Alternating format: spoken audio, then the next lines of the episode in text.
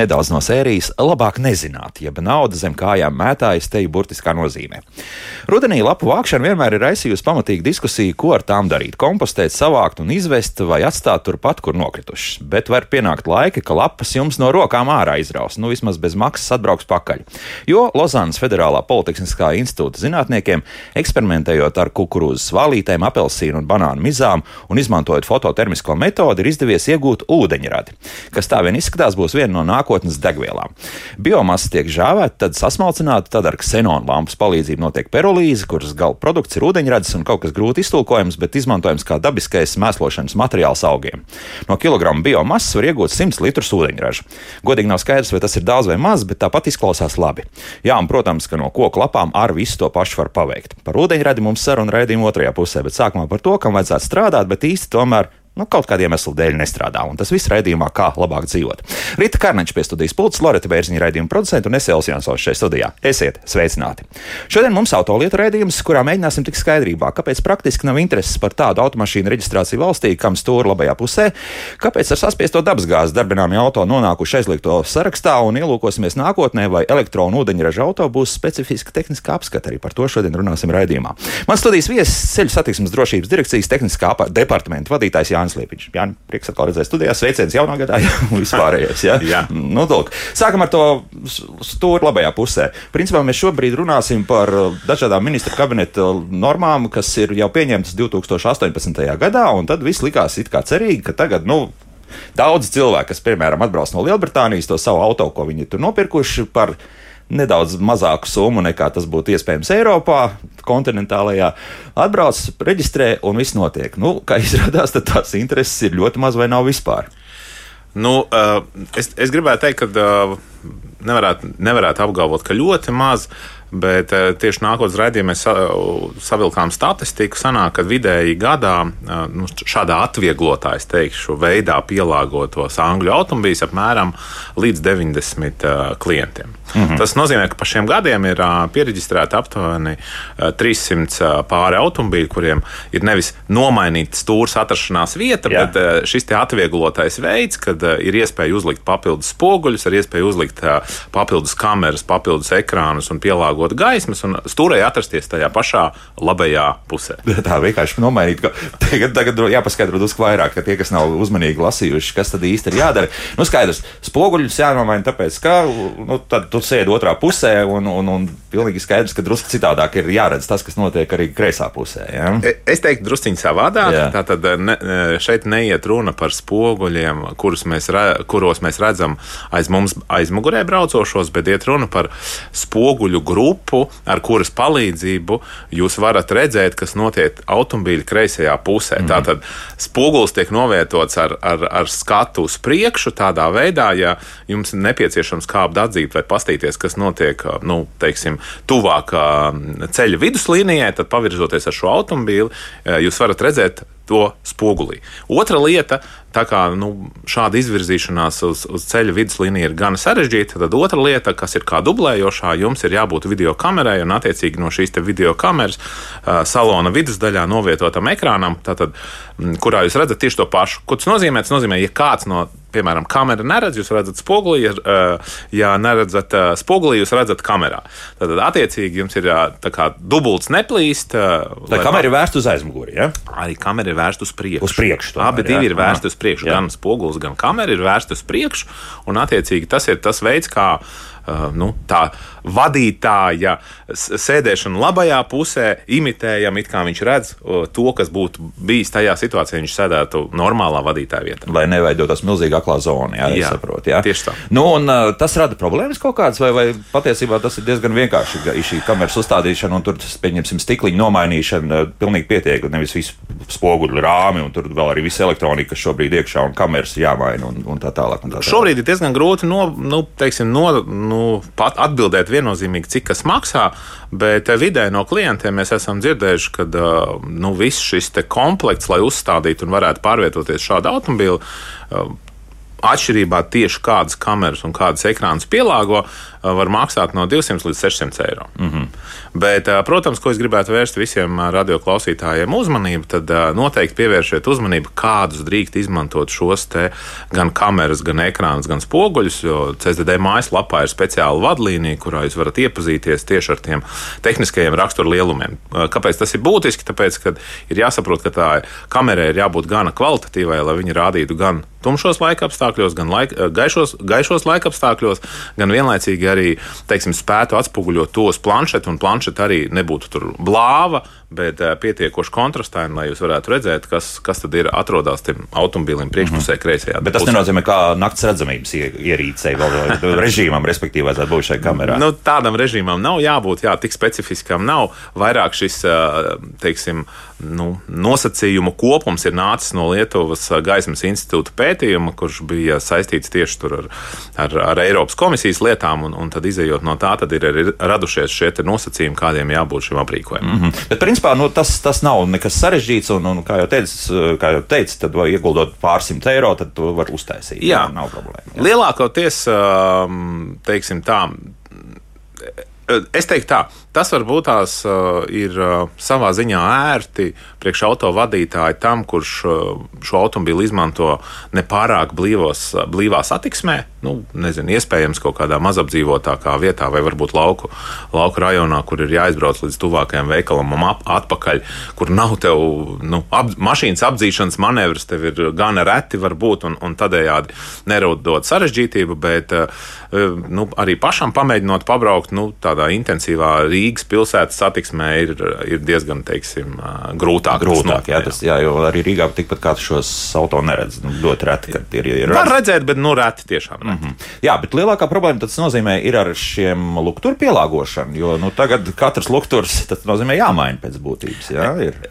Faktiski, nu, es teiktu, atkarībā no transporta līdzekļu markām, jo tas ir ļoti, ļoti atšķirīgi. Pat vienas markas automobīlim, nezinu, piemēram, vienalga, kādu mēs paņemam, vai tas ir Audi vai tas ir varbūt Volvo vai kaut kas cits.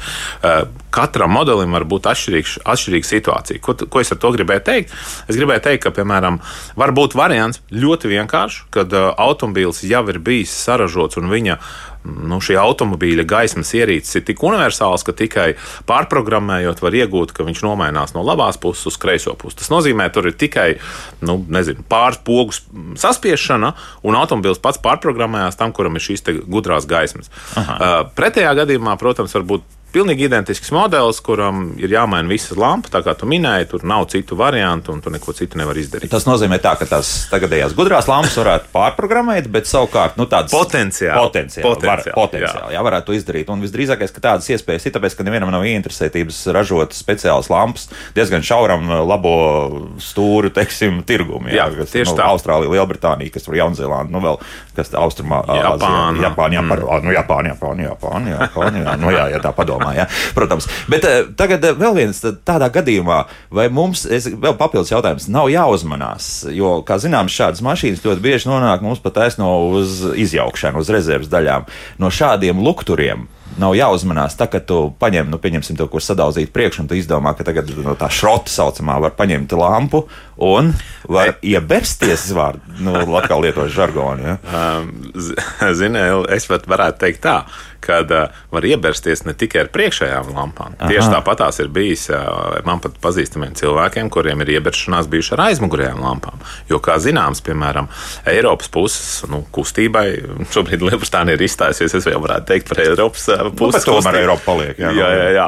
Tātad uh, tajā kustībā, kura mēs pārvietojamies pretējā angļu automašīnām, tātad uh, miglas lukturis atrodas kreisajā pusē. Angļu automašīnām tas atrodas otrā pusē. Tu nopērci, nezinu, piemēram, kreisās puses lukturu, kur tev būtu jābūt miglas gaismai un čuš. Vadiņa tā nav. Jā, vadiņa un visa cokola nekā tur nav. Aha. Tā kā, še, e, tā kā noteikti ir jābūt ļoti, ļoti uzmanīgiem, sevišķi pērkot šos te e, gaismas aprīkojumu, gan priekšējo, gan aizmugurējo. Un, un tiešām es arī pats esmu papētījis, nu, SSALV, kur ir vislielākais šos reklāmas sludinājums, kur tirgo rezerves daļas tiešām lielākā daļa, kur nu, var redzēt bildēs automobīļus, kas tiek jaukti ārā, tie ir tiešām angļu automobīļi. Tā kā esiet tiešām vērīgi, tad, kad jums ir sevišķi jāpērk šīs gaismas ierīces. Protams, tur arī ir citas lietas, kuras atšķirās, bet nu, gaismas ierīces ir tās pirmās, ar kurām jums būs pēc tam problēmas pārvietoties pa ceļiem. Mm -hmm, jā, tā varētu būt viena no problēmām. Tad vienmēr sakot, noslēdzot šo sadaļu, tad lielas, vairāk problēmas saskatīt mēs nevaram. Jā, tas ir būtiskākais, nu, mēs esam izrunājuši jā, to, ko vajadzēja. Es teiktu, ka jā, svarīgākais droši vien, ko klausītājiem gribētos pateikt, vēlreiz katram priekš sevis būtu jāatbild uz jautājumu, vai tiešām tas ir ērti nu, braukt ar šādu automobīlu. Es gribētu teikt, nu, kaut kādos salīdzinājumos ar riepām, kad viena izvēlās ar, ar radzēm, viena izvēlās savādākas riepas, viena universālākas riepas. Tad šeit ir tieši tāpat ar šo automobīlu. Padomājiet, kārtīgi, vai tas jums būs ērti un jūs pats jutīsieties ērti un droši pie stūres. Tas mm. ir mhm. būtiskākais. Nu, jā, nu, tur varbūt arī tas finansiālais jautājums arī spēlē kaut kādu lomu. Jā, ja tur lēti to mašīnu tu vari dabūt. Nu, tad...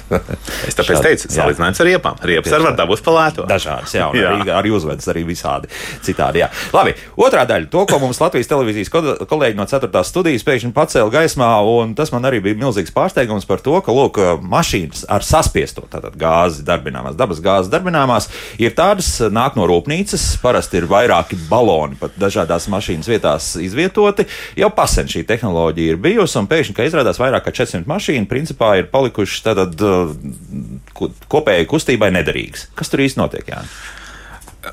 Es teiktu, tas ir sāpīgs jautājums. Un, un uh, droši vien pirms uh, sākt atbildēt, uh, kas un kāpēc tā noticis, man gribētos varbūt tās vērst uzmanību uz to būtiskāko atšķirību. Latvijas autoparkā ir apmēram 25,000 gāzes automobīļi, kuri ir tā saucamie nu, nezinu, naftas gāze vai, vai gāze, kuru mēs redzam gan izvēlē katrā um, uzpildes tankā, vai, vai pat atsevišķi ir speciāli šādas uzpildes acīs. Tātad šādi ir vairāk nekā 25,000 automobīļi.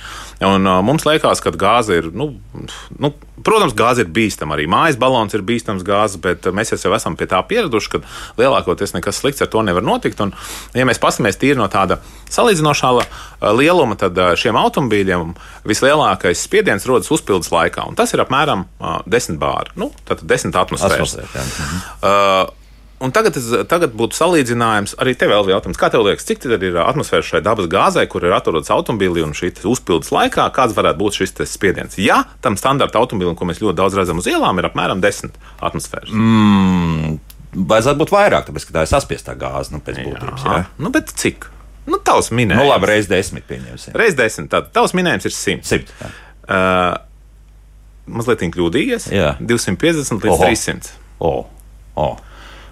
Nu, sākam lēnām garā saprast, ka, kur slēpjas problēma. Jā. Tātad šis te uh, balonu spiediens ir 25 reizes lielāks, apmēram 25 reizes lielāks nekā standarta šiem te gāzes gāzes automobīļiem. Ko tas nozīmē? Tas nozīmē, ka faktiski tie gāzes automobīļi, kas pie mums pārvietojas pa ielām, tajos ir tāda pati gāze, ko, ko nezinu, lauku mājās varbūt ar tiem vecajiem sarkanajiem baloniem vai jaunajiem tur AEG baloniem. Tas ir milzīgs problēmas. Jā, jā, jā, jā. Tieši tā, bet viņiem katru reizi šie balonu pārbaudas notiek. Tātad, tā, ka mēs nododam to balonu atkārtotai uzpildīšanai, jā. šis uzpildītājs ir atbildīgs par tā balonu pārbaudi.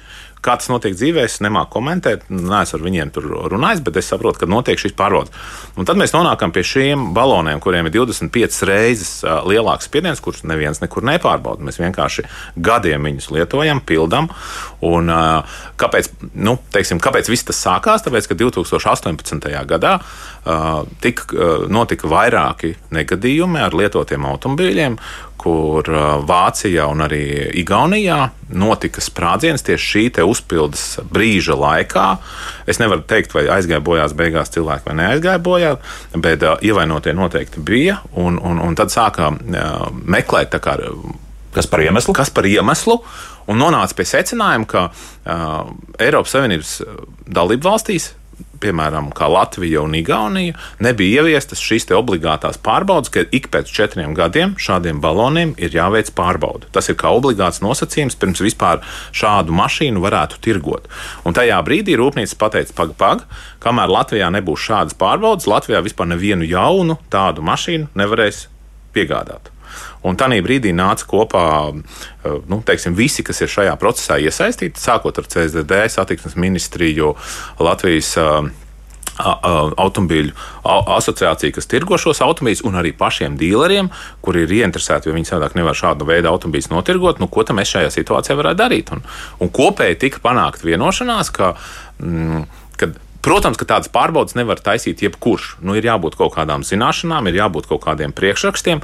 Jo kas ir galvenā problēma? Ir galvenā problēma ir tāda, ka uh, lielākoties vieglajiem automobīļiem tie baloni ir kaut kur paslēpti. Nu, viņi nav tā, ka dažādās vietās, jā, tur, tur bija. Kā... Dažādās vietās un aiz dažādiem, teiksim, kaut kādiem aizsagiem. Nu, tas nozīmē, ka tehniskā apskatē paceļot augšā, mēs neredzam. Nu, kas ar to balonu notiek. Jāsāk jau kaut kas nost, lai pie tā balona tik klāt. Tas nozīmē, ka to nevar izdarīt ātri, tas ir vajadzīgs teiksim, darīt servisā un cilvēkam, kas kaut ko par to visu saprot. Un tika panākt vienošanās, ka šiem te teiksim, rūpnīcu pārstāvjiem vajag akreditēties, tātad pierādīt to, ka viņi var šādas pārbaudas veikt, un attiecīgi cilvēki tad vērstos pie viņiem un šīs pārbaudas veiktu. Un, lai mazinātu jebkādu birokrātisko slogu, nevajadzētu nekādus papīrus, bet šis akreditētais uzņēmums CSDD reģistrā ievadīt informāciju, un cilvēks vienkārši brauc uz apskati, vai nu iziet apskati, mm -hmm. vai neiziet. Jā, it kā viss loģiski, bet. Bet pienāca pagājušā gada Es nerunāju, ka šī gada, tātad pienāca pagājušā gada 1. janvāris, un tika konstatēts, ka neviens šo mājas darbu nav izdarījis, neskatoties to, ka jau ir pagājis pusotrs gads. Pagājušā gadā šo termiņu pārlika par vienu gadu, tātad līdz šī gada 1. janvārim. Un tā nu, pagājušā gada laikā divas markas sasparojās un to izdarīja. Tā ir Skoda un Skanija. Mm -hmm. Viņi nokreditējās. Nu, Skanija tas ir smagie visdrīzākais. Skanija tas ir smagie, Skoda tas ir viegli automobīļi, un saviem klientiem viņi šādu pakalpojumu var piedāvāt. Pārējie pārstāvi tā kā neizdarīja savu mājas darbu. Acīm redzot, nav pārāk daudz uh, šo jauno mašīnu, teiksim, tā, kas, kas būtu apkalpojamas visdrīzākais. Jā, un arī šis tirgus ir pietiekami maziņš. Jā. Es domāju, ka tas ir viens no pamatiem. Pamatiem iemesliem. Jā, jā tad Škoda, Škoda kaut ko tur pat pa pāris mašīnām ik pa brīdim, cik ir dzirdēts, pārdod. Jā, jā, bet, jā. tieši tā. Es domāju, ka tieši tā kā tu arī minēji, es tev piekrītu viennozīmīgi, ka viens no iemesliem ir, protams, ja es acīm redzot, netirgoju jaunu automobīlu, tad man ir mazāk interesi par tiem, kam ir jau tie veci automobīļi. Kaut gan no tāda pārstāvja viedokļa puses, nu, tas nav pārāk korekti, jo viņi jau tomēr pārstāv marku kopumā, nu ne jau tikai jaunus automobīļus. Mm -hmm. Mēs jau redzam, arī nu, teiksim, atceramies dīzeļgaitu. Tur visa šī atbildība uz ražotāju bija neskatoties to, ka iespējams bija arī desmit gadus veci automobīļi.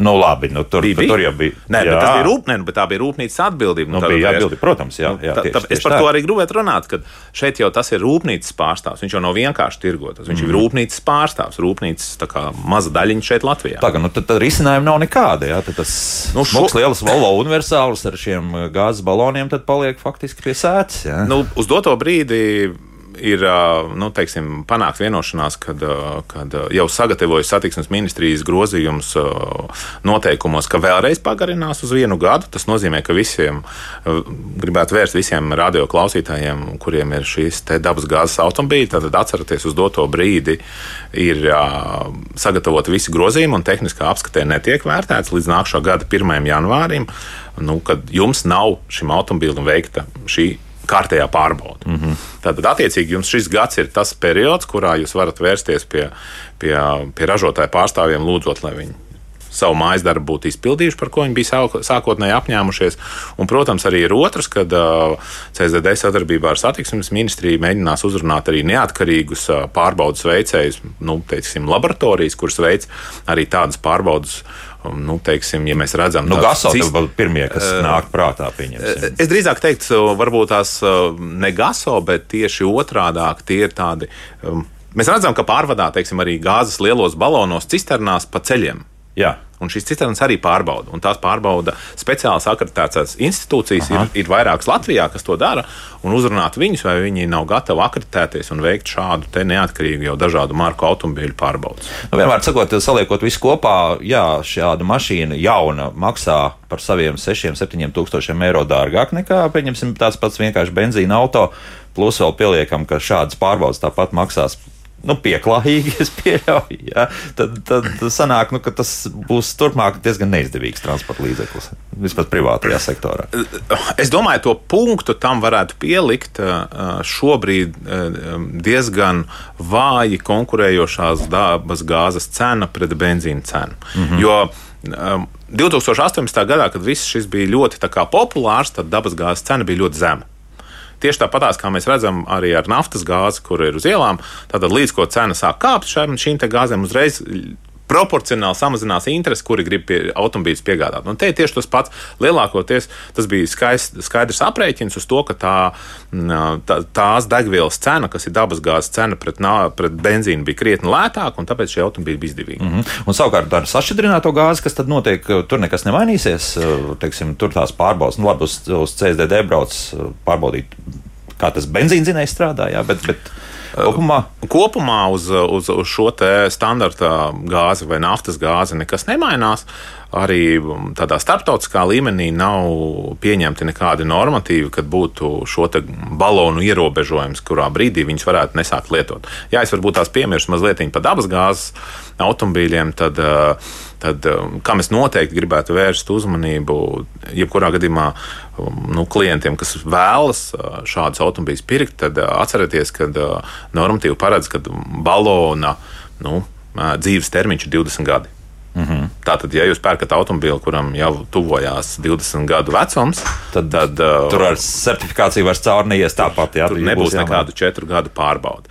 Uh, labā ziņa, nu, kas, ko dzīve ir pierādījusi, kad bieži vien šis aprīkojuma ne visas daļas, bet daudzas daļas ir derīgas gan naftas gāzei, gan dabas gāzei. Ko tas nozīmē?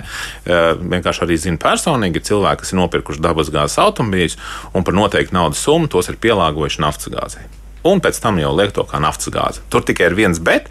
Ir jāatcerās, ka tādā gadījumā automobīls ir CSDD jāpārreģistrē uz naftas gāzi, lai nebūtu šis uzskaitījums, ka jums jābūt arī četrgadīgai pārbaudē. Un tā reģistrācija ir salīdzinoši vienkārša. Ja? Nu, ja jūs, jūs varat pirmkārt veikt šo pārbūvi tikai pie certificētiem nu, teiksim, pārbūves veicējiem, mm -hmm. un attiecīgi viņi CSDD jau reģistrā būs ievadījuši informāciju, lai jūs to pieregistrētu, jums ir jāveic tikai numuru salīdzināšana un jānomaina reģistrācijas apliecība. Skaidrs, un tad nozīmē, ka pāris balons var pat izraut kaut ārā, ja ir tāda vēlme, vai to nedrīkst jā. darīt. Ja? Tad, ja pie pārbūves drīkst. Pie pārbūves drīkst, jā, jā tad paliek viens. Tas ne, var, var arī pat nepalikt, tie var vispār Aha. visu nomainīt. Nu, labi, vismaz jau kaut kāds risinājums. Jā. Jā, lai, lai... Ir risinājumi vairāk, bet, nu, protams, katram ir jāskatās, kas kuram ir pieņemamāks. Mm. Nu, par šo mums Agnēs ir diezgan daudz rakstījis. Nu, viņš saka, jā, nu, ka tajā balonā iekšā ir to, to atmosfēra drusku mazāk. Cilindros jau esot 200 līdz 250. Nu, mēs runājam, jā, ka uzpildot tomēr vairāk. Nu, tas diezgan loģiski, jā, un viņš arī raksta, ka cilvēki neaizgāja bojā atšķirībā no LPG uzpildes, kur darbnīca montēta ierīce izlaida LPG un uzsprāga ar visu autovadītāju, jo tad cilindri ir no metāla un kompozīta, un kompozītiem no rūpnīcas jau dod 8 un vairāk gadu garantiju, respektīvi, nu, ka tās garantijas ir, bet tas ir atkal, ja mēs reiķinām par jaunām mašīnām, no šīm 400 visdrīzāk es pieļauju, bija jau ar labu gadu un uh, noskrējienu. Ja?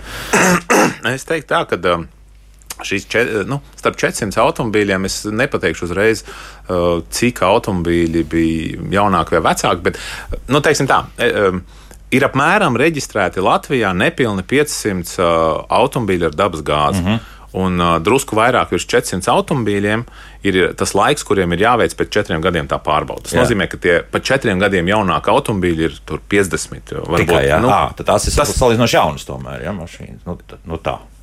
Tieši otrādi. Otrādi, otrādi. Otrādi. Sanāk, otrādi. otrādi. 50 jā. ir, teiksim, jaunas, kas ir mm. vismaz līdz četriem gadiem vecas, un vispārējās ir par četriem gadiem vecākas. Aha, nu jā. Nu, jā, nu, nu, problēmas problēma galā. Jā, nu, nu, ir, Nē, nu, jā. mēs, nu, ja paskatās atkal, teiksim, nu, kaut kādu to ne, nu, ne jau pavelti, mēs zinām, Skandināvijā diezgan izplatīti tomēr to vienu automobili diezgan ilgi lietot. Nu, Skandināvija drusciņi atšķirās no kopējās Eiropas. Es tā tomēr esmu arī novērojis.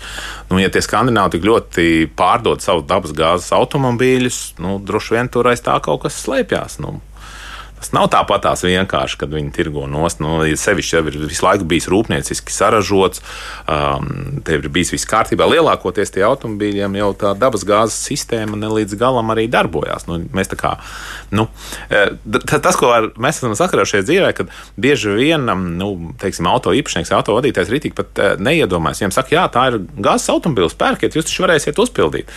Un viņš nemaz neiedomājās, ka tas nav tas gāzes automobīls, ko viņš liekas, kas ir katrā benzīna Jānkā, nu, jā. bet tikai tur piecās vai cik vietās, vietās Latvijā. Vispār. Nu, un mājās it kā varot arī Tieši uztaisīt. tā. Jā, jā, tieši nu, jā. tā. Ā, vēl Agnes vēl jautāja, nu kāda pārbūve, ja tur elektronikā ir iebūvēts, tomēr, ka tā darbosies ar saspiesto dabasgāzi, bet tur tālāk jau nav nekādas nozīmes, vai tā difuzora vai kāds sauc. Tur... nu, es esmu redzējis personīgi automobīļus, kur ir pielāgoti un tieši ar šo te rūpniecisku ražotāju. Es nevaru Agnim uzskaitīt visas detaļas, kas tur ir nomainīts. Droši vien tad ir jāvēršās pie šiem certificētiem pārbūvētājiem, bet tas tiešām ir iespējams. Jautājums tikai droši vien kāds modelis, nu, kuram kāda tehnika, elektronika un vispārējais. Nu, visdrīzākais tas ir iespējams izdarīt. Ja? Lūk, tā, laiks eh, mūzikai pēc mūzikas mēs turpināsim. Tagad gan mēs paskatīsimies iespējams ļoti tālā pat nākotnē. Nu, cik tālā? 2030. gads, kad pie mums sāks parādīties vairāk arī ar ūdeņradu darbinām auto, kas jau būs lietoti tā, vairāk teiksim, un kas tad notiks, tad, kad būs jāiziet tehniskās apskates, par to arī nākamajā pusstundā. Lūkojamies nākotnē, bet tas pēc mūzikas. Kā labāk dzīvot?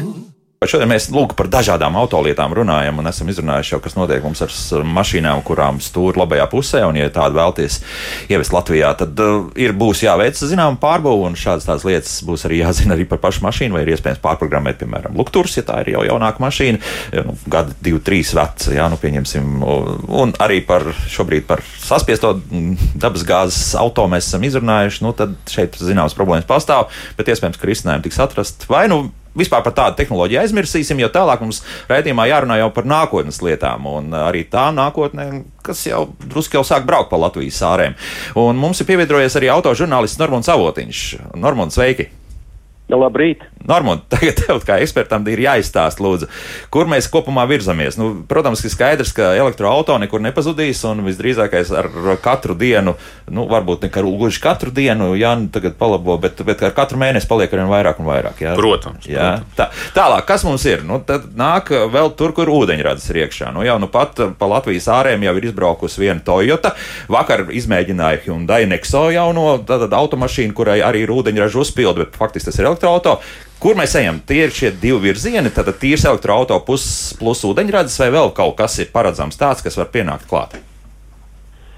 Nu, es baidos, ka tur tā mm, ūdeņraža nākotne laikam ir mazliet tāda mm, pārspīlēta. Jo mm -hmm. nu, mhm. tās pēdējās ziņas gan ir tādas, ka tie autoražotāji, nedaudzie autoražotāji, kas vispār bija iesaistījušies uh, ūdeņraža šo piedziņas mehānismu izstrādāšanā. Pie tam es uzsveru, ka runa ir par elektromobīļiem, tātad šūnu automašīnām, kur ūdeņradi nesadedzina ja, kā fosīlo degvielu, bet uh, izmanto elektrības ražošanā. Ja, tātad runa ir par tādām mašīnām. Un, nu, izskatās, ka tomēr uh, gandrīz visi ražotāji, varbūt izņemot Toyota, kas vispār to aizsāka, drusku tā kā atsaluši pret šo šo tehnoloģiju, jo nu, tur ir vairāk iemeslu. Pirmkārt, izmaksas, kuras nav izdevies uh, pazemināt tādā, tādā ātrumā, kā piemēram pazeminās elektroautomašīnu ražošanas izmaksas un infrastruktūras trūkums. Jo ir skaidrs, ka tomēr tos ūdeņraža stacijas izbūvēt ir vēl dārgāk nekā izbūvēt elektroautobīļu uzlādes vietas, un, nu, ja nav infrastruktūras, nu, tad attiecīgi nav arī automašīnu. Tā kā izskatās, ka nākotnē, nu, vismaz kas attiecās uz vieglajām pasažieru vai personīgajām automašīnām, kā mēs saucam, tad var jau būt, ka tas ūdeņrads tomēr nebūs īsti tēma. Cits tās droši vien ir kravas transports. Tieši tā. Skaidrs, ka tā, tā elektromobilitāte nu, neiestāsies tik drīz, kā mēs gribam. Mm -hmm. Tas ir viens. Nu, un, uh, ir vēl tāda lieta, par ko vispār ļoti maz runā, bet tās ir sintētiskās degvielas, kuras savukārt arī nu, tikai daži autoražotāji šobrīd uzskata par perspektīvu tādu lauciņu. Nu, tātad mēs izmantojam tieši tos pašus motorus, nekas no jauna nav jāizstrādā. Ja mums ir tātad, eh, ieguldījumi būtībā dzinēja izstrādē ir faktiski nulle, jo motors jau ir gatavs, vienīgais, ka degviela vairs nav no naftas, jā, bet ir no kaut kādiem atjaunīgiem resursiem. Attiecīgi, tā ir tātad mazāks tas CO2 nospiedums gan ražojot, gan arī pēc tam tajā izmešu sadaļā. Nu, tas varētu būt arī tāds pārejas posms un varbūt pat noteiktām transporta grupām, kaut kāda sporta auto vai varbūt kaut kādi pikapi, nu, tādas smagākas mm -hmm. transporta vienības, ka tiem tas varētu būt risinājums arī tālākā nākotnē. Nu jā, Formula 1 ar, nākamo, ar šo sezonu, principā, kas pavisam drīz arī sāksies, tieši šāda degviela arī tiks izmantota. Ja? Nu... Ne tikai Formula 1, jā, mm. un gal galā nu, mums jau ir uh, viens degvielas uzpildes stāciju tīkls, kurā mēs varam jau nopirkt faktiski sintētisko degvielu, tātad dīzeli no atjaunīgiem resursiem, un viņi jau viņi nav vienīgie, viņi vienīgie mūsu tirgu, ja, bet uh, citur jau ir arī nu, alternatīvas, teiksim tā. Mm -hmm. nu, jā, un tā, tā vajadzētu būt nu, galu galā brīvais tirgus. Nu, tagad savilksim to raidījumu pirmo daļu ar to otro daļu kopā. Un es arī tagad Jānim jautāšu, nu, nu, kā tas tagad būs. Jo, pieņemsim, jā, arī izbraucot ar šo pašu to Hyundai automašīnu, tad, tad tur ir gan elektriskā baterija, tātad augstsprieguma, attiecīgi kabeļi, plus vēl tagad ir divi vismaz uh, ūdeņraža baloni iekšā. Nu, kā tad to tagad pārbaudīsim? Es tagad atkal skatos drusciņu uz priekšu. Nu, šādas ūdeņraža mašīnas, uh, kur, kur būs ūdeņraža uzpilde, nu, parādīsies agrāk vai vēl arī lietotas šeit. Nu, būs. Tāpēc, ka es skatos, ka Amerikas Savienotās valstīs, piemēram, Kalifornijā, viņiem jau tur ir aizgājusi industrija, ka viņi ūdeņraža jau nu, tādas mūzikas pārstrādes rūpnīcas jau pēc būtības ir. Jā, viņi uz to iet. Kā, nu, visdrīzāk tas spiediens, nu, Normāls teica, ka maz ticams, bet, bet ļoti iespējams, ka būs. Jā. nu, jā, normāli. Labrīt, Normāli, arī tev. Jā. Uh, jā, uh, papildinot Normālu teikto, tiešām viens no atslēgu faktoriem tādu ūdeņraža automobīļu ienākšanai dzīvē vai ikdienā ir infrastruktūra. Ja jūs atceraties, laikam kaut kāds 17. un 16. gads bija tieši tāda pati diskusija Latvijā. Neviens nepērk elektromobīļus, kāpēc jāveido ir uzlādes tīkls. Nu, šobrīd vai tiešā proporcijā tas ir saistīts vai nē, bet uz doto brīdi Latvijā ir izveidots no CSDD puses ātrās uzlādes tīkls, lai cilvēks varētu no punkta A uz punktu B faktiski no jebkuras Latvijas vietas pārvietoties. Un, un, un vienmēr būtu kāda rezerve, kurā viņš varētu uzlādēt to savējo elektromobīli. Var uzpielādēt klāt, teiksim tā. Jā, jā tieši jā. tā. Eh, jo, jo ātrā uzlāde ir tiešām paredzēta tāda, ja jums pārvietojaties, tad 20 minūšu laikā jūs varat iegūt šo 60 līdz 80 kapacitāti bateriju. Procenti, jā, 60% līdz 80. Tieši tā. Bet uh, atgriežoties pie šīs infrastruktūras jautājuma, kāpēc es varbūt to sāku? Tāpēc, ka šobrīd Eiropas uh, gaiteņos tiek sagatavots jauns nu, projekts, dokumentu projekts, kurā ir paredzēts, ka dalību valstīm būs jāizveido jauni šie alternatīvo degvielu infrastruktūras uh, tīkli, tas attieksies gan atkal uz papildus nosacījumu prasībām elektromobīļu uzlādes tīklam, jo, ja jūs zināt, tad šobrīd ir ar lielāku veiktspēju jau automobīļi parādās, un, un, un šajā projektā arī šis ir atzīmēts, un tieši tas pats ja līdz šim bija Latvija kā pret Eiropas nu, kopējo globālo redzējumu bija izpildījusi teiksim, prasību ar ūdeņraža uzpildi, ja mēs uzskatām šo Rīgas satiksmes vienīgu uzlādes stāciju par, par eksistējošu, tad, tad, Labi, tāda ir. Jā, jā tad mēs esam, projekts izrādās neveiksmīgs. Jā. jā. tad, tad mēs esam it kā mājas darbu izpildījuši. Tad, jā. tad šobrīd parādās, ka tur būtu jābūt krietni vairāk šīm uzlādes stācijām un attiecīgi Iespējams, šis ir arī kā, kā potenciālais risinājums, ka šādi ūdeņraža automobīļi varētu arī Eiropā parādīties interesantāki un, un, un tomēr pieprasītāki. Attiecībā par pārbaudēm. Nu, kā, teiksim, es atkal varu skatīties no tāda kopējā redzējuma. Ja mēs skatāmies pa dabas gāzēm, tad dabas gāzēm šīs periodiskās pārbaudes jau noteiktas ir, ir, ir kopējos normatīvajos aktos, kas regulē vispār šādu dabasgāžu automobīļu e, eksploatāciju. Tad, attiecībā tieši arī tad, kad šā, sākās šis projekts attiecībā ar, ar dabasgāzēm, mēģināt sakārtot šo varbūt izlaisto sadaļu, tad, tad e, tika arī izvērtēts, vai nav kaut kāda prasība ūdeņraža automobīļiem. Un ūdeņraža automobīļu baloniem nav nekādas prasības.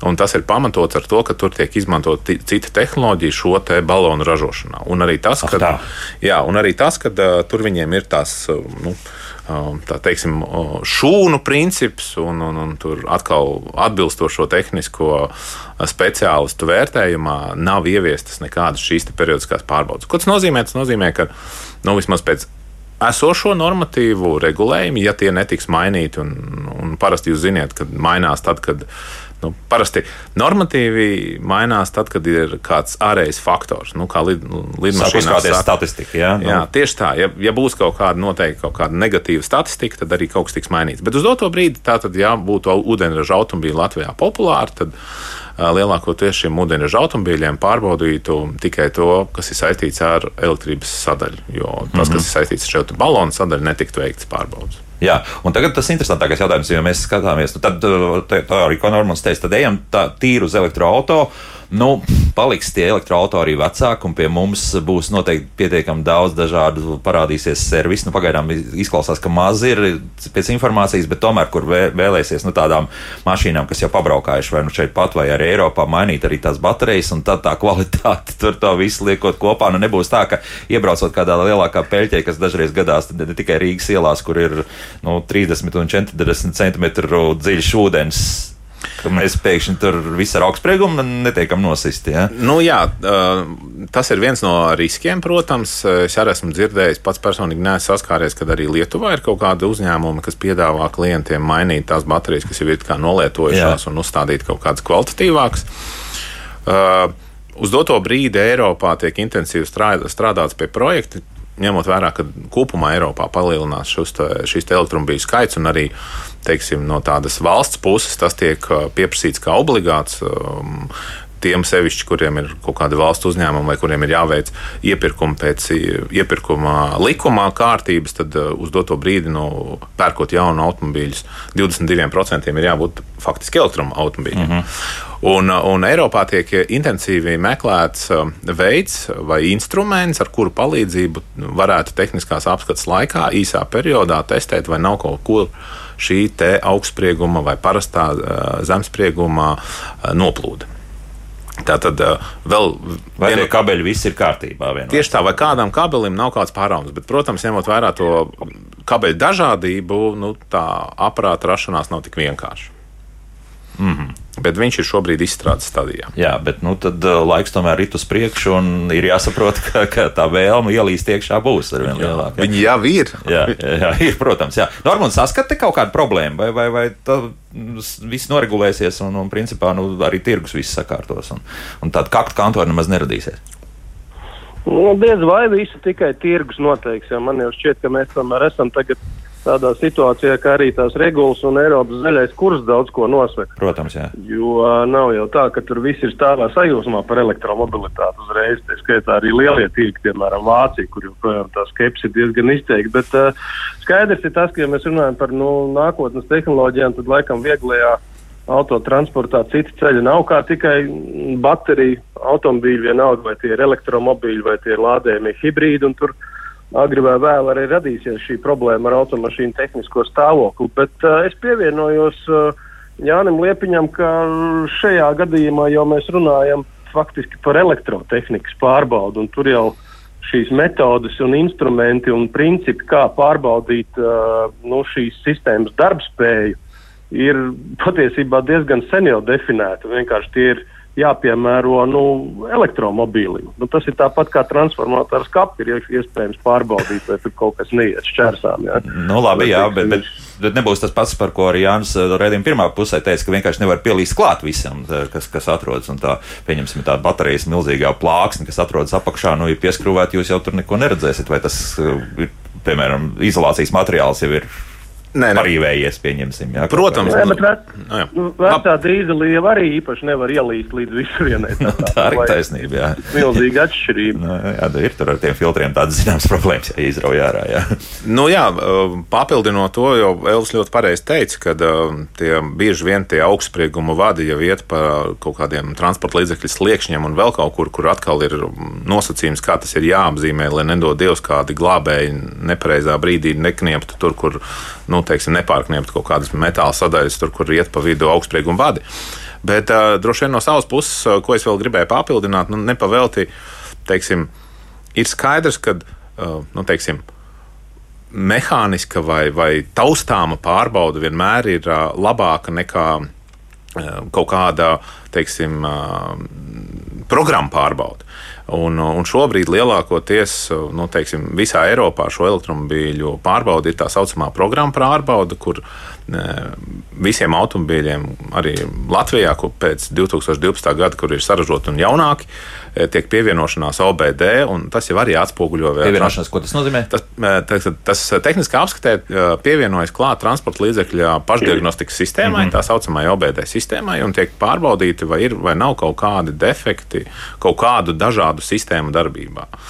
Un, un tas arī ir viens no instrumentiem, kā pārliecināties, vai tā elektromobīļa nu, teiksim, augstsprieguma sistēmai nav kaut kādas kļūmes un neprecizitātes, kas nu, droši vien pati diezgan labi sev to atspoguļo. Mm -hmm. Un tur jau uzreiz arī daudz kas parādās, ja, teiksim, ja kaut kas nepareizi strādā. Bet, Normand, vispār kopumā mums nav jāsāk pievērst vēl lielāku uzmanību elektronikai, jo tiešām nu, tās mašīnas paliek ar vien gudrākas un gudrākas. Un, un te, nu, varbūt, ja kādreiz kāds vadības bloks durvīs ir, ir beidzis eksistēt, tad varbūt tas ir pieļaujams šī brīža mašīnām, bet tā nākotnē tā sistēma paliek ar vien gudrāka un nemaz nerunājot par, par pašpilotējošām mašīnām un tā tālāk. Šeit eh, nesaskata, ka te arī vajadzēs piegriezt skrūvīti zināmā mērā šajā jomā. Nu, grūti pateikt. Es domāju, ka tas jau viss ir saistīts ar satiksmes drošību. Un, ja nedarbojas kaut kāds komforta ierīce, tad tā patiesībā ir katra individuāla problēma. Bet kā jau Jānis Liepiņš teica, šobrīd visām automašīnām, arī stipri lietotām, Jā, un palabo man tāds, kurš pēc 2012. gada visām tehniskajām apskatē iespēja robežās nu, notiek pieslēgšanās pie pašdiagnostikas, jā, jā. Jā, pie, pie, pie lielajām smadzenēm, un tur jau mēs lielākoties redzam, kā un kas funkcionē, vai tur kaut kas ir vai aizdoms par to, ka kaut kas ir mainīts un notikušas kaut kādas manipulācijas. Tā kā es teiktu, ka tik, cik tā tas attiecās uz tehnisko apskatu, tad nu, tā jau iet līdzi laikam un vairāk dara bažas tas, ka šis tehniskās apskates tirgus, sauksim to tā, tiks liberalizēts, un tad ar to varēs nodarboties arī citi uzņēmumi, cik nu, viņi būs atbildīgi pret sev uzliktajiem pienākumiem, nu, tas ir ļoti labs jautājums. Mm -hmm. Tas ir ļoti labs jautājums, un arī uzreiz ieskatoties arī nākotnē, kā tur iet ar šo lietu ir interese. Teiksim, tas... nu, ar šo lietu ir tā, ka uh, tuvākajā laikā, tuvākajos mēnešos ir plānots izsludināt jau iepirkumu par šo procesu. Un CSDD no savas puses darīs visu, lai uh, tajā varētu piedalīties tiešām kompetenti tirgus spēlētāji, kuriem ir interese un nopietna interese par šādu pasākumu veikšanu. Un, un, un, un, uh, centīsimies izdarīt visu, lai mazinātu Normundu bažas. Bet, protams, kā, kā jebkurā nu, šādā procesā, riski pastāv vienmēr. Mm -hmm. nu, labi, laiks arī druskuļi palasīt tas, kas mājaslapā ir sasūtīts. Nu, piemēram, Viktors mums raksta apbrīnoja tos cilvēkus, kuriem patīk ņemties ar gāzes darināmiem auto. Saprot, ka, piemēram, Jēkabils autobusu parks izmanto ar gāzes darbināmus autobusus, bet vieglais auto, ja nav liels nobraukums priekš kam. Bet nu, te jau mēs tiešām runājam par tiem, kuriem ir izdevīgi un, un kuri nobrauc vairāk nekā 30 un vairāk tūkstoši šajā gadā. Nu, pat, pat... Nu, e, uh vēlreiz gribētu varbūt atgriezties pie tās pirmās sadaļas, tātad dabas gāzes automobīļu. Nu, sām, interese bija ļoti izteikta un ļoti mm, aktīva tieši tajā periodā, kad dabas gāze bija ļoti konkurētspējīga ar citiem degvielas veidiem automobīļiem. Šobrīd dabas gāzes cenai strauji, strauji augot, nu, ko mēs paši sajūtam arī mājās. Uh, tiem, kuriem ir jālieto dabas gāzes, teiksim, apkurss katli, apkurs katli un, un, un varbūt tās plītis, tad um, šis jau ir palicis krietni pārdomātāk, vai tiešām tas ir izdevīgi. Mm. Bet, nu, vienalga, nu, jā, normāli, jā. Jā, man arī ir viens komentārs un viens mm. jautājums. Komentāri par to arī iepriekšējo sadaļu par to pārēju no braukšanas ar saspiestu dabas gāzi uz autogāzi. Nu, patiesībā izrādās, ka tas tehniski un finansiāli nemaz nav tik sarežģīti, kā šķiet. Izrādās, ka tur ir jā, kaut kāda pāris reduktori jānomaina, un, un tas viss, ir izdarāms pēc tam. Mm -hmm. Otrādi būtu grūtāk, bet atpakaļ, nu ne atpakaļ, bet no dabas gāzes uz LPG ir vieglāk. Bet man ir jautājums uh, Jānim, ņemot vērā, ka mums tomēr ir salīdzinoši maz to savā, nu, lietoto CNG mašīnu, un tādēļ diez vai kāds mēģinās tur tagad. Uh, nu, baigi iespringt uz to certificēšanos un, un, un tātad kļūt par uzņēmumu, kas spēj tagad tos balons pārbaudīt, kāpēc mēs nevarētu to uzticēt vai atļaut to darīt kaut kur citur Eiropas Savienībā. Es esmu noskaidrojis, ka Igaunijā tas jau ir izdarāms un tur nav jābrauc uz turieni. Nu, labi, labi, Jāni. Mēs nevaram viņiem ļaut to darīt, tas pat neesot īpaši dārgi. Labi, Jāni. 8 eiro un gatavs. Jā, jā. Uh, nu, Es, es nezinu, no kurienes Normūna tev tā informācija. Es arī sazinājos šī gada sākumā ar Igaunijas pusi un viņiem.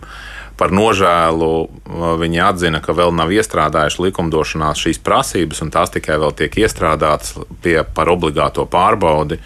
Un, uh, Un, un, un tās ir plānotas pieņemt tikai gada beigās. Tā kā uz doto brīdi viņiem pat nav legalizēts un nav uzrakstīts, kuri tad būs tie, kas varēs veikt šīs pārbaudes. Nu, labi, bet, bet tagad redzam, kā mēs sākam ar vien vairāk un vairāk, un tas pozitīvi, tas, ka Baltijas valsts militārā jomā ir ļoti labi kooperējušās. Nu, taču arī varētu uztaisīt, būt jau ideāli Rīgā, protams, ja tāds viens centrs būtu, bet vienalga, nu, ja tā, ko Normons arī jautāja, nu, ka, ka aizbrauc vienalga, vai tā būtu Lietuva vai, vai Igaunija. Nu, labi, var arī līdz Polijai aizšaut, nav jau problēma. Nu.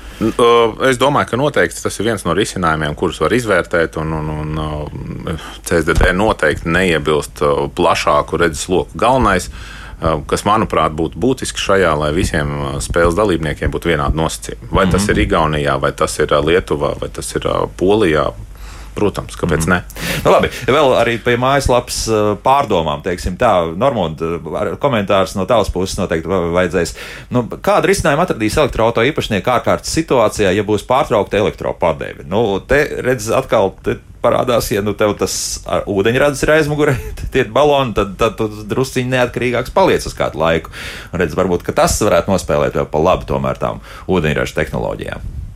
Mm, domāju, ka nekāda risinājuma viņi neatradīs, bet paskatieties uz to no otras puses, nu, vai jūs atceraties uh, par spīti dažādiem tādām nu, nosacītām klimatiskām kataklizmām, nu, jūs atceraties vispār pēdējo desmit gadu laikā tādu periodu, ka ļoti ilgstoši nebūtu bijusi, būtu pārtraukta elektroapgāde. Nu, varbūt visattālākajās Latvijas vietās nav jau tā, ka uz nedēļu nav elektrība.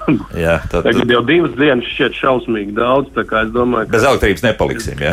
bez jā. elektrības diez vai mēs paliksim. Drīzāk man ir bažas par to, vai elektrības pietiks visiem. Jo, piemēram, ja oh, kā, jā. Piemēram, ir tā kā nu, tie elektroautomobīļi apgādāti sapņo, ka tagad mēs visas tās mašīnas lādēsim pa nakti, tad kā tad tur tas ir? Sadalījuma tīkls to visu spēs izturēt. Viņi gan saka, ka var, bet nu, ir arī citi viedokļi. Mm -hmm, jā. es varbūt normāli gribēju papildināt to, ko tu teici, ka uh, ūdeņradis jau arī ir jāsaražo. Un, lai saražotu ūdeņradi, ir jābūt tai pašai elektrībai. Tā kā, jā, ja elektrība tad... beigsies, tad nav nozīme, vai ir ūdeņradis vai elektrība. Nē, nu, tur tajā mašīnā tur viss skaisti izdomāts. Tāpēc šī baterija, kas tad iedarbina šo procesu tālāk, tad jānot, kā tā darbojas. Un, un, un tik smuki izskatās, ka no tās mašīnas beigās tā kā no tvaiku mašīnas tā pšš, šis tiek izlaists arī liekais svaigs. Jā, jā, tas ir interesanti, protams. Bet, bet, bet nu, kā, izskatās, ka tas tā būs tāda, tāda modes lieta. Pagaidām nu, kāds ražotājs vēl varbūt parādīs tādu ūdeņraža faktiski uzpildāmu elektroautorātu. Manuprāt, mēs jau paši sākumā atbildējām, ka visu noteiks tirgus. Mm. Tieši tāpatās kā tagad Eiropā. Nu, elektromobīļa arī Eiropā nebija ļoti populāri. Nu, līdz ko parādījās tīkli, līdz ko parādījās uh, paši ražotāji, nu, tas kaut kā aizgāja, un cilvēkiem bija interese. Nu, skaidrs, ka ja šobrīd Latvijā ir tikai viena, viena uzlādes vieta, lai, vai kāda viņa būtu, nu, nu kā tu vari palietot? Nu, aizbrauc uz Liepāju, atbrauc apakaļ, vai tu nevari atbraukt? Nu, jā, bet redz, lielie arī Volvo, teiksim, traki, nu, viņi jau pirms pāris gadiem jau viņiem tā, tā problēma programma bija tā, ka viņiem paliek kaut kāda iekšzemes zinēja, tad ir elektroautorāta un arī ūdeņraža auto. Ja, ka tie lielie tomēr smagie vilcēji būs, būs ar šādu hibrīdu tehnoloģiju faktiski aprīkoti. Ja, nu, Visdrīzāk, tas būs arī vēl vairāk uzpildīts šādas nu, stācijas. Nu, droši vien, jo vairāk Eiropas komisija ražotājiem piestādīs soda naudas par kaut kādu pārsniegto CO2 lielumu no notirgota automobīļa skaita, jo vairāk ražotāji mēģinās piedāvāt kaut kādas alternatīvās tehnoloģijas. Mm -hmm. nu, katrā gadījumā, spriežot pēc tā, kas šobrīd jau sāk mājaslapā parādīties par komentāriem par elektroautorātu, mums jātaisa raidījums un būs. Es jums apsolu, būs raidījums. Bet, nu, Normand, tev kā jau daudz izbraukušam, būs tā, ka paliks vairāk jā, tie elektroautori. Nebūs tā, ka mēs līdz pēdējiem brīdim turēsimies pie dīzeļiem. Jā. No, nē, es domāju, ka dīzeļi vēl ar mums būs ilgi un dikti, bet skaidrs, ka tas jaunais kurs ir elektromobīļi. To jau var redzēt. Par to tirgu es varu tikai papildināt to, ko Jānis teica, ka nu, taisnība jau ir, jo ir jau bijuši gadījumi arī paralēlajās industrijās, kur ļoti labas idejas un labas tehnoloģijas neiedzīvojās. Nu, ja mēs vēlamies paralēlus, piemēram, ar datu un mūzikas nesēju. Jūs atceraties, ka bija tāds minidisks kādreiz? Bija, jā, mums vēl pat radio kaut kur stāv tāds aparāts. nu, redz, Porsche taču bija, vai ne? Ļoti ērti. Neiedzīvojās vienkārši. Un tāpēc var gadīties, ka ir kaut kāda tehnoloģija arī tajās zaļajās automobīļās lietās, nu, kas ir vispusīgi labi, bet nu, vienkārši tā neiedzīvojas. Izkonkurē kaut kas cits un cauri. Nu, lūk, tā. Šodien beidzam, bet, eh, kā jau teicu, šīs būs vēl daudz raidījumu sarunu temats, un eh, par to mēs noteikti turpināsim raidījumā, kā labāk dzīvot runāt. Ceļu satiksmes drošības departamenta, tehniskā departamenta vadītājs Jānis Liepiņš un eh, autožurnālists Normons Avotiņš bija kopā ar mums. Paldies par sarunu, un rītdien atpūšamies, parīt atpūšamies, bet pirmdien tad runājam mēs par azartspēļu atkarībām. Nu, ko darīt? Atgriežamies pie šī tematikas. Jauka nedēļas nogalē visiem un tā.